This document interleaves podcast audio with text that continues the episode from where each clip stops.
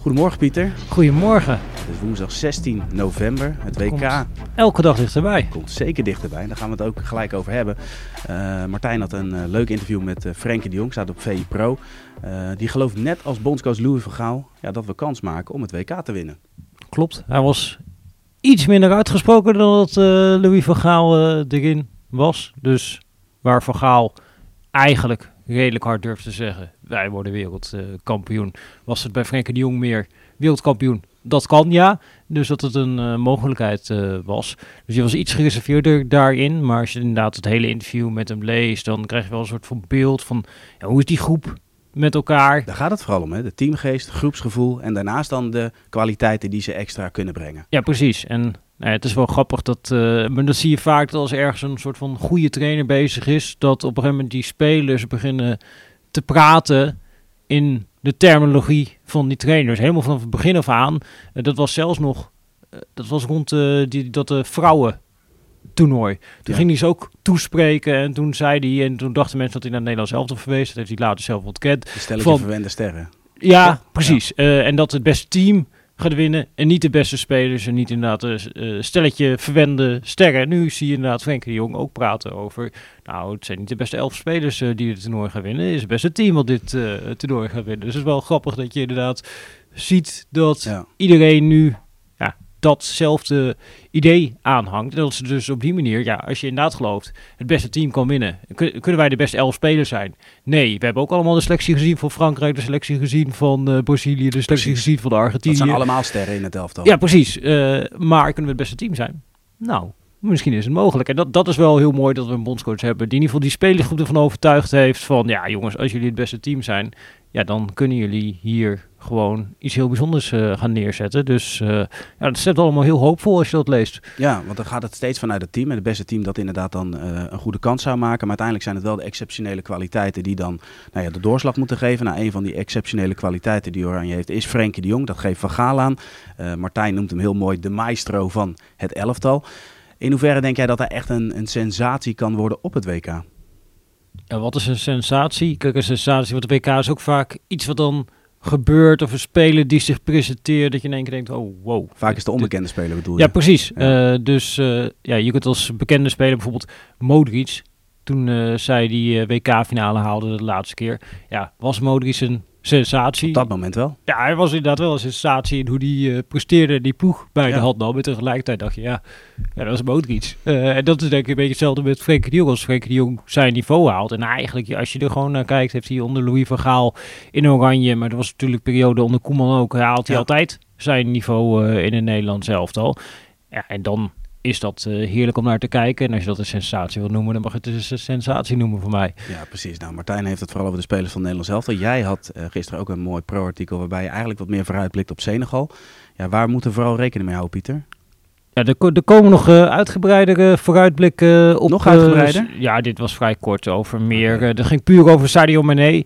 Eh, er zijn nu ook al bondsofficials eh, die in Senegal aangeven. Nou, de eerste paar wedstrijden gaat hij er eh, niet bij zijn. Dus ja, het begint er steeds meer op te lijken. En er zijn de geluiden die doorcijpelen dat eh, Sadio Mane er niet bij is bij Senegal. En ik had natuurlijk Senegal al gezien. En Ja. dan ja, krijg je een beetje een idee van ja, wat is de impact van zo'n speler op dat team. En als je dan praat over Sadio Mane, ja, dan is dat gigantisch de impact. Kijk, het, het is niet alleen de aanvoerder, het is niet alleen de beste speler. Het is gewoon een speler die, als je dat toernooi om de Afrika Cup dat ze wonnen, Ja. pakt, was hij degene met de meeste doelpogingen, met de meeste doelpunten, met de meeste gecreëerde kansen, met de meeste assists en met de meeste succesvolle dribbles. Eh, en ook als je gaat kijken naar bijvoorbeeld eh, iets simpels als, er staat niet eens een stuk, maar iets simpels als pases, dan zie je daar eigenlijk verdedigers, middenvelders en Sadio Mane in staan. Dus hij is Ja. een beetje ja, de hele speel. eh, en ook in de tactiek was hij de hele speel met de opkomende linksback. En hij die dan een vrije rol krijgt. En ze spelen eigenlijk vaak een soort van 4-3-3. Maar er wordt dan bij balbezit van de tegenstander een 4-4-2, zodat Sadio Mane niet hoeft mee te verdedigen. Dus eigenlijk alles is afgesteld op die eh Mane. Als je dat toernooi bekijkt. eh, die Afrika Cup was uit mijn hoofd, was geloof ik zeven wedstrijden die ze gespeeld hebben. Ja. Hebben ze in totaal negen doelpunten gemaakt, eh, Senegal. En daarvan was eh Mane er bij vijf direct betrokken. Dus ja, eigenlijk ja, het was gewoon daar. Ze spelen met een middenveld. Drie hele defensieve middenvelders. Vier verdedigers uh, erachter. Uh, ook de twee andere aanvallers. Ja. Die spelen eigenlijk bijna ja, een soort van uh, ondergeschikte rol. Een soort van bliksemafleiders voor uh, Marnay. Ja, en dan zit je een paar dagen voor het WK. En dan valt ja, die man die alle doelpunten maakt. Alle kansen creëert. Maar alle alle dribbles. eh, ja, die, die valt weg. Hij had tijdens dat toernooi 20 succesvolle dribbles. Hoeveel dribbles denk jij dat eh, de eerstvolgende aanvaller had tijdens dat toernooi? Ja, ik durf het niet te zeggen, maar als het hele spel is afgestemd op uh, Mané, dan vijf, zes? Twee. Dus ja, dit, dit, dit was gewoon echt alles over die flank. Er was ook maar één team in die hele Afrika Cup die meer over één flank speelde dan Senegal over de linkerflank waar Mané stond. Dus dat, dat, dat was eigenlijk kwam dan neer dat hele, hele spelletje op alle ballen op Mané. En Ja. ja. dan is het natuurlijk een extra groot probleem als hij wegvalt. En ik denk dat het enige wat die bondscoach eh, kan doen is dat hij gewoon zegt, nou ja, we houden vast aan dat defensieve blok. Eigenlijk aan de bal stoppen we met iedere illusie die we hebben. En we zetten gewoon drie aanvallers neer die hard gaan rennen als we de bal winnen. En dan gaan we het op die manier eh, proberen. Maar ja, een andere route is eigenlijk niet meer eh, voor Senegal. Ja, en dat is wel, eh, ja, wel echt eh, problematisch. Sowieso hebben ze wel... Als je kijkt ten opzichte van die Afrika Cup, eh, de rechtsback die er toen bij was, is er niet bij. De linksback die er toen bij was, is er niet bij.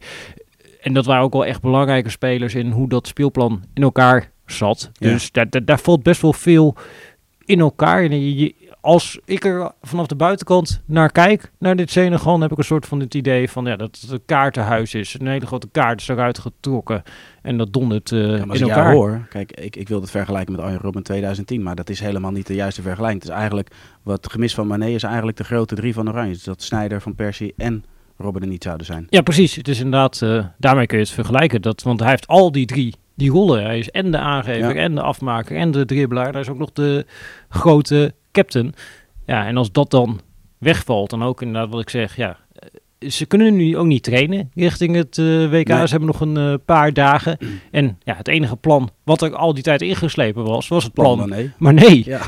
ja, we hebben de bal. En dan was het gewoon, ook Koulibaly, die staat dan daar vaak rechts centraal achterin. Ja, het enige wat hij doet is, hij dribbelt twee seconden met de bal. En dan geeft hij een crossbal naar die linkerflank. Of maar nee, nou vrij staat of niet vrij staat, maakt ook helemaal niks uit. Ja. Hup, die bal gaat naar, naar eh Mané. En zo zijn er allerlei ja, elementen in hun eh, tactiek die eigenlijk allemaal samen lijken te hangen met...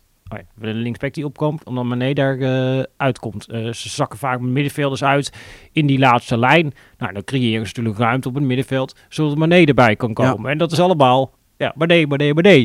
En die eh, is er waarschijnlijk eh, niet bij. Dus ja, mijn persoonlijke verwachting eh, van Senegal, ik gooide dat gisteren op Twitter en mensen zijn er erg geschokt over. Want als je, kijk, we hebben hier in deze VI, die hier op tafel ligt, hebben Mooie we, cover trouwens. hebben we ja, met de ideale elf voor Oranje, hebben we alle, alle selecties staan. En als je die selectie van Senegal bekijkt, ja, dan krijgt een paard hik van die spelen allemaal in topcompetities, allemaal bij goede clubs. Alleen als je naar het team Senegal kijkt, daar ben ik persoonlijk ja, niet zo heel van, erg van onder de indruk. En Louis van Gaal die heeft natuurlijk eh, verklapt dat hij in het vliegtuig naar Senegal ging kijken. Nou, ik denk dat hij met een opperbest humeur is aangekomen in Qatar. Want eh, ja, die heeft die overwinning al wel eh geëmotioneerd. Ik denk, eh, De eerste drie punten zijn dus binnen. ik, ik kan me bijna geen scenario voorstellen waarin dat niet zo is. Het enige scenario is Senegal met z'n allen verdedigen tegen één countertje aanlopen. Maar dat is echt het enige. Heb je wel geluk Gevaar. dat je na de live show, eh, tenminste de live show na de wedstrijd, zit jij niet aan tafel. Dat is dan weer geluk, dat is Suleiman. Dan moet Suleiman misschien Ja, dan moet eh, Suleiman even, reageren. moet hij even gaan uitleggen Ja. eh, hoe, hoe het kan dat, dat ik Senegal totaal Ja. onderschat heb. Maar ik, ja, ik heb ook die beelden gekeken. En ik denk dat veel mensen die Senegal hoog inschalen, dat ze niet die beelden hebben gekeken. Dat denk ik ook niet. Hey, over grootspelers gesproken. Ronaldo is natuurlijk ook op het WK. Maar eh, als je de berichten zo bekijkt, en ook het meest gelezen item gisteren op vi.nl was weer een bericht over Cristiano Ronaldo. Ja. Want Ronaldo zorgt niet alleen voor onrust bij Manchester United, ook in Portugal. ja, dat was natuurlijk een fragment uit die kleedkamer wat in één keer eh, de wereld eh Ja, om twee fragmenten. Hè? Dus het moment met Bruno Fernandes. Nou, als Ja. jij dat wil schetsen. Nou ja, de- ja, die lopen de kleedkamer in, die komen elkaar tegen. En ja, een koudere begroeting dan dat, ja, die kun je eigenlijk kun je dat, eh, niet meemaken. Als iemand je inderdaad op die manier goed, als ik hier de redactie eh, oploop, eh dan zou Nou, hoe doe jij dat dan? ja, je weet, je weet hoe ik ben toch altijd heel amicaal knuffelen, heel veel Nou, liefde. dus goedemorgen en mensen willen we koffie. En Ja. dat, is, dat is meer dan genoeg. Nee, maar dat is toch precies wat Ja. de men, ja, eerste levensbehoefte moet je in voorzien. Ja. Je, je geeft de mensen koffie, je komt met een vrolijk gelaat binnen en dat, dat had ik daar toch niet, eh, dat ik dacht, oh, het lijkt wel gezellig om in die kleedkamer zitten. was het, hè? Zo, Al gaf behoorlijk. die, eh, Danilo Pereira gaf aan van dat het een, ja, soort gimmick, een, een grap tussen die twee was. Ja, ik kan dat niet helemaal terugzien. Andere kant is wel soms beelden kunnen vertekenen. Laat het beeld pakken van de training bij João Cancelo. Eh, ja, dat zou een partijvorm kunnen zijn waarbij het in het heet van de strijd, laat maar zeggen dat er wat irritatie is. Ja, dan kwam er zo'n reactie, want hij wilde op dat moment, hij, hij sprak hem toe, pakte hem even bij zijn eh, gezicht. Nou, hij duwde hem weg. Maar dat is gewoon mijn emotie van het spel. Daar zoek ik Nee. persoonlijk niets achter. En ik denk dat jij ook niet. Nee, maar dat is natuurlijk het hele lastige van deze situatie. Dat alles wat er nu gebeurt rondom Ronaldo, dat wordt bekeken, dat wordt geïnterpreteerd. En er wordt misschien Ja. ook soms, eh, ik moet nu een beetje denken aan, weet je wel, dat eh, je had vroeger van die eh, boekbesprekingen die je dan moest doen eh, op de middelbare school. En ik- kreeg daar persoonlijk ook altijd wel het idee bij, zeg maar, dat er ja, allerlei betekenissen in werden gezocht eh, die een schrijver erin had willen leggen. Zeg maar, als de lucht donker werd, dan had het een enorme symbolische betekenis eh, Ja, volgens ja. een Nederlands eh, docent. Terwijl misschien die schrijver die, die betekenis er helemaal niet in wilde leggen. Dat je dat hier misschien ook een beetje krijgt. Dat iets wat ja, eigenlijk onschuldig is. En misschien gaan die, Fernan- want we zien ze natuurlijk normaal niet in de kleedkamer. Misschien gaan ze altijd inderdaad op deze manier met elkaar om.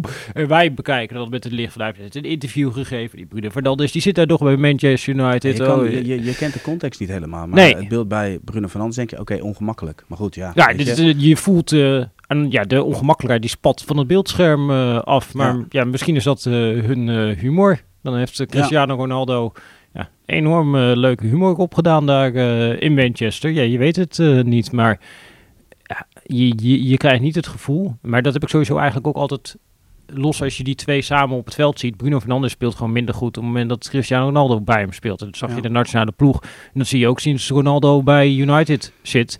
En dan de wedstrijd dat je Ronaldo niet meedoet, dan bloeit Fernandes op. En hij verdwijnt net zo snel weer op het moment dat Ronaldo binnen de lijn komt. Dus ja, Ja. ik, Ja, het is wachten op het ware verhaal, Pieter. Uiteindelijk gaat hij waarschijnlijk na het WK nog een keer een appje sturen naar Piers Morgan. En dan krijgen we het ware verhaal van Portugal het waren vooral van eh, Portugal, ja. Conclusie, in ieder geval alles wa- met betrekking tot Ronaldo is nieuws. Precies. En nou ja, ah, mocht eh, Portugal niet winnen, dan lag het niet aan Ronaldo. En mochten ze wel winnen, dan ligt het aan Ronaldo. Als we het Cristiano Ronaldo zelf vragen. Precies.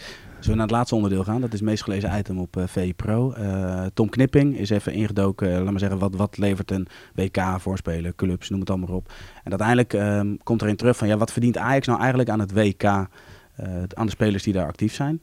Nou ja, op zich, als je nou kijkt ehm, naar de positie van FIFA UEFA, is dat natuurlijk jarenlang is er helemaal niets gegaan die kant op. Wat Mhm. natuurlijk wel een gek verhaal is, want alle sterren spelen daar eh, de, met alle risico's van dien. Dus stel dat de, de sterren van Barcelona, van Manchester City, van, van Ajax, van Bayern München en de raken zwaar geblesseerd, heeft uiteindelijk de club het probleem.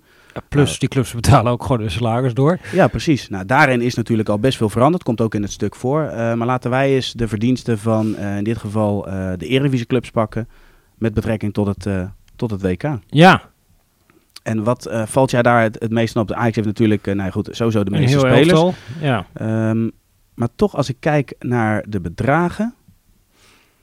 Ja, Ja, het je wordt er niet rijk van. Nee, Nee, dat, dat valt mij wel op. eh, Ik bedoel, Ajax met zeker 11 zo. spelers. ehm, ja, de minimale verdiensten zouden dan op eh 1,9 miljoen eh, komen.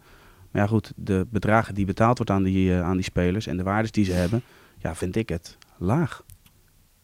En je, uiteindelijk als club word je niet rijk van eh, nou ja, spelers richting eh, zo'n eh, toernooi sturen. De FIFA ja, die gebruikt natuurlijk ook vooral zelf eh, om rijk te worden eh, richting de toernooi. Er zijn geloof ik ook nog wel wat eh, andere partijen los van Ajax die eh, aanspraak willen maken op het vele geld dat nu eh, de komende maanden verdiend eh, gaat worden. Die daar misschien ook nog wel eh, meer eh, recht op hebben. Tenminste, ik denk dat die daar eh, meer eh, recht op hebben. Maar inderdaad, ja, als club word je hier niet rijk van. Ik denk dat het enige wat je, ja, waar, waar je als club misschien wel echt wat aan hebt, is de inderdaad die marktwaarde van een speler. Al heb ik het idee dat zeg maar die toernooi-transfers, dat dat zeg maar bij de grote clubs dat het er wel een beetje uit is. Dat dat niet meer zo vaak gebeurt als dat het eh, voorheen Ja, ik moet gebeurde. aan de laatste echt denken, Games Rodriguez. Is dat niet de laatste WK? Ja, dat wij- Rodriguez was inderdaad wel echt een. Die, die schoot ook eh, door mijn hoofd. En je had inderdaad. Ja, eh, nog niet zo lang geleden, weet je wel, dat deed Rusland het goed op het toernooi. Dan ging Pavlyuchenko ging in één keer eh, ja, naar ja. Spurs en dan ging Arsjevin, die ging naar eh, Arsenal. En dat was eigenlijk een soort van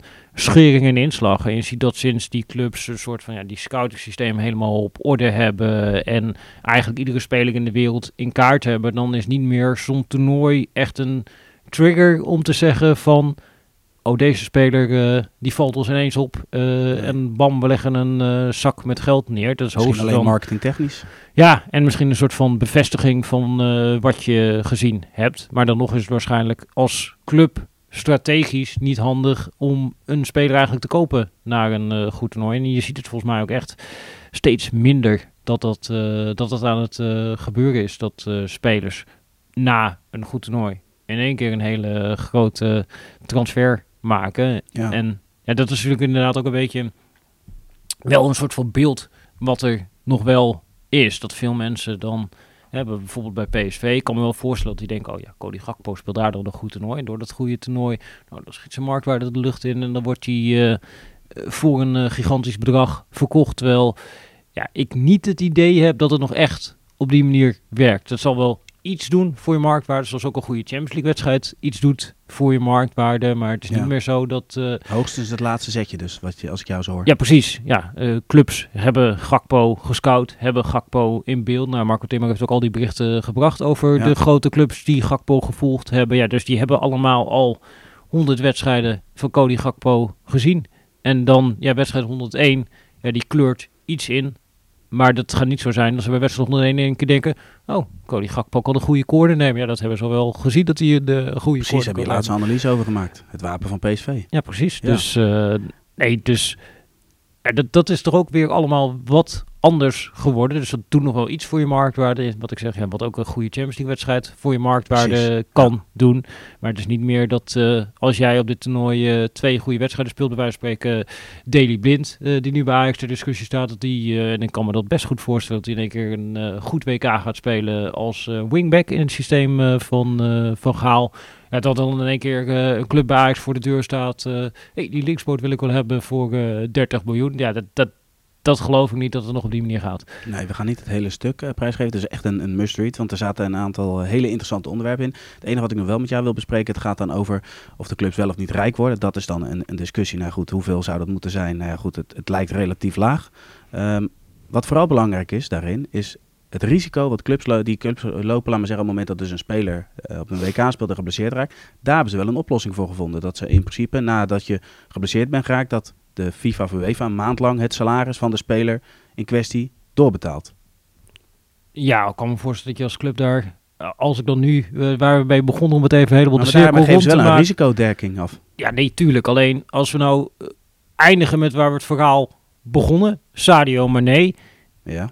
En jij bent Bayern München. En Bayern München heeft het eerder meegemaakt. Toen waren wij in Nederland. Stuurden we hem naar allerlei bijzondere dokters die hem klaarstoomden voor het toernooi. Die heeft het na een heel seizoen heeft hij praktisch niet gespeeld bij Bayern München. Nou, nu krijg je toch ook bij Mane het gevoel, nou dat heb ik uitgelegd, hoe belangrijk hij is. Dus ja, als hij, en die heeft ook de vorige keer tijdens de Afrika Cup, heeft hij er ook eh, spuiten in laten zetten. Heeft hij gezegd van vergeet de hele risicodekking, eh, ik wil dit Daar heeft hij toernooi. zelf een contract voor opgesteld. Ja, heeft hij zelf inderdaad een contract eh, voorop gesteld. Dus als je die twee dingen bij elkaar optelt, krijg je het gevoel van... Ja, zeker als ze niet goed aan het toernooi beginnen met een nederlaag tegen Nederland... dat op een gegeven moment dat toch iemand denkt...